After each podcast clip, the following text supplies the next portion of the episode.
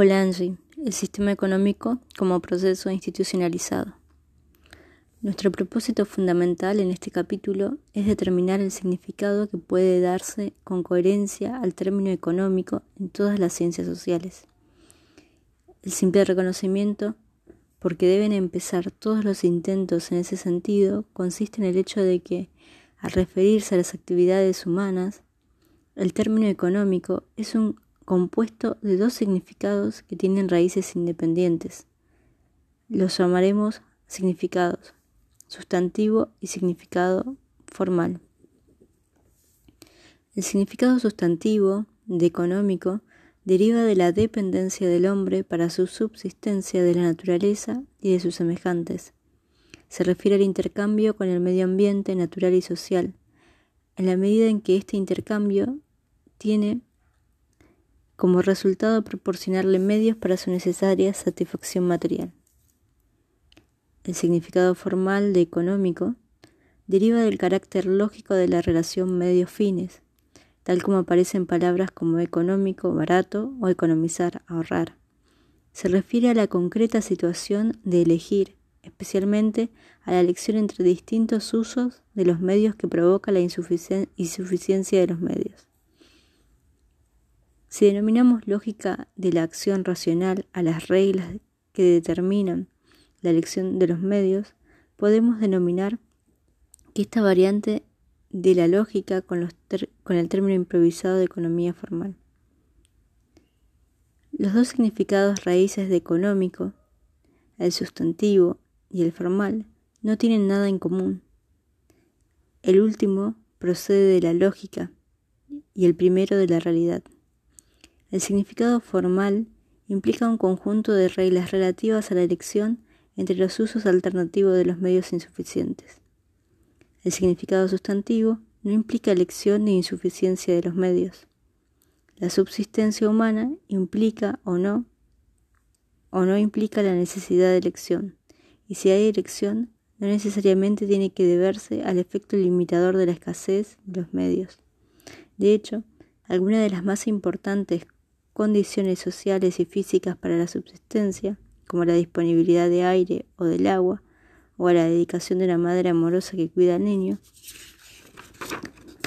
no están por eh, regla general tan limitadas.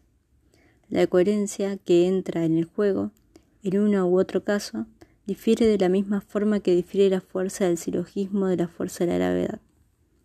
En un caso se trata de las leyes del entendimiento, en el otro de las leyes de la naturaleza. Los dos significados no pueden ser distintos, semánticamente se sitúan en sentidos opuestos de la intencionalidad.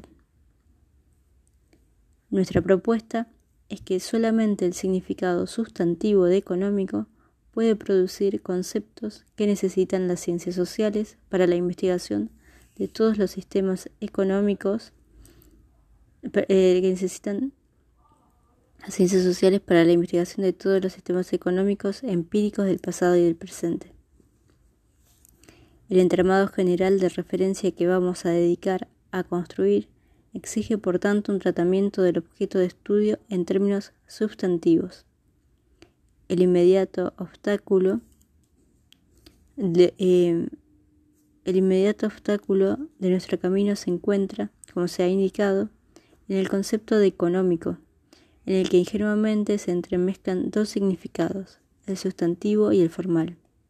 Desde luego, tal mezcla de significados no es recusable en tanto en cuanto seamos conscientes de los efectos restrictivos, pero el concepto habitual de económico funde los significados de sustancia y escasez de económico sin la bastante conciencia de los peligros para el pensamiento correcto e inertes a esta fusión.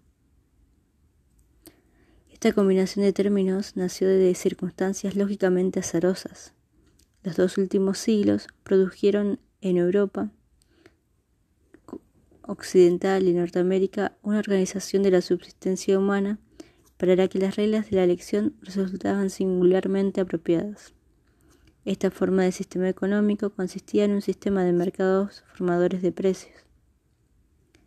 Dado que las acciones de intercambio tal como se practicaban en tal sistema, implicaban a los participantes en elecciones provocadas por la insuficiencia de los medios, el sistema podía reducirse a un modelo que se presentaba a la aplicación de métodos basados en el significado formal de económico. En la medida en que el sistema económico estaba controlado por tal sistema, en la práctica el significado formal y sustantivo coincidían. Los profanos aceptaron este concepto compuesto como algo dado. Un Marshall, un Pareto o un Durkheim se adhirieron igualmente a él. Menger solo criticó el término de su última obra, pero ni él, ni Marx, ni Max Weber, ni Parsons después comprendieron la significación de la distinción para el análisis sociológico. De hecho, no parecía haber razón válida para distinguir entre los dos significados raíces de un término y, como hemos dicho, estaban obligados a coincidir en la práctica. Por tanto, si bien hubiera sido una consumada pedantería distinguir en el habla común entre los dos significados de económico, sin embargo su fusión en un concepto ha demostrado ser una peste para una exacta metodología de las ciencias sociales. Naturalmente, la economía constituye una excepción, puesto que bajo el sistema de mercado sus términos estaban obligados a ser absolutamente realistas. Pero el antropólogo, el sociólogo o el historiador, en el estudio de cada uno de ellos, del lugar que ocupa la economía en la sociedad humana, se enfrentaba con una gran variedad de instituciones que no eran el mercado, en las que estaba incrustada la subsistencia humana. Sus problemas no podían ser afrontados con la ayuda de un método analítico diseñado para, una forma especial del sistema económico, basado en la presencia de elementos específicos del mercado. Esto deja establecida la hilación aproximada del tema. Comenzaremos con un examen más atento de los conceptos derivados de los dos significados de económico, comenzando por el formal y pasando luego al significado sustantivo. Entonces debe quedar demostrado que es posible describir los sistemas económicos empíricos, sean primitivos o arcaicos, según la forma en la que está instituido el proceso económico.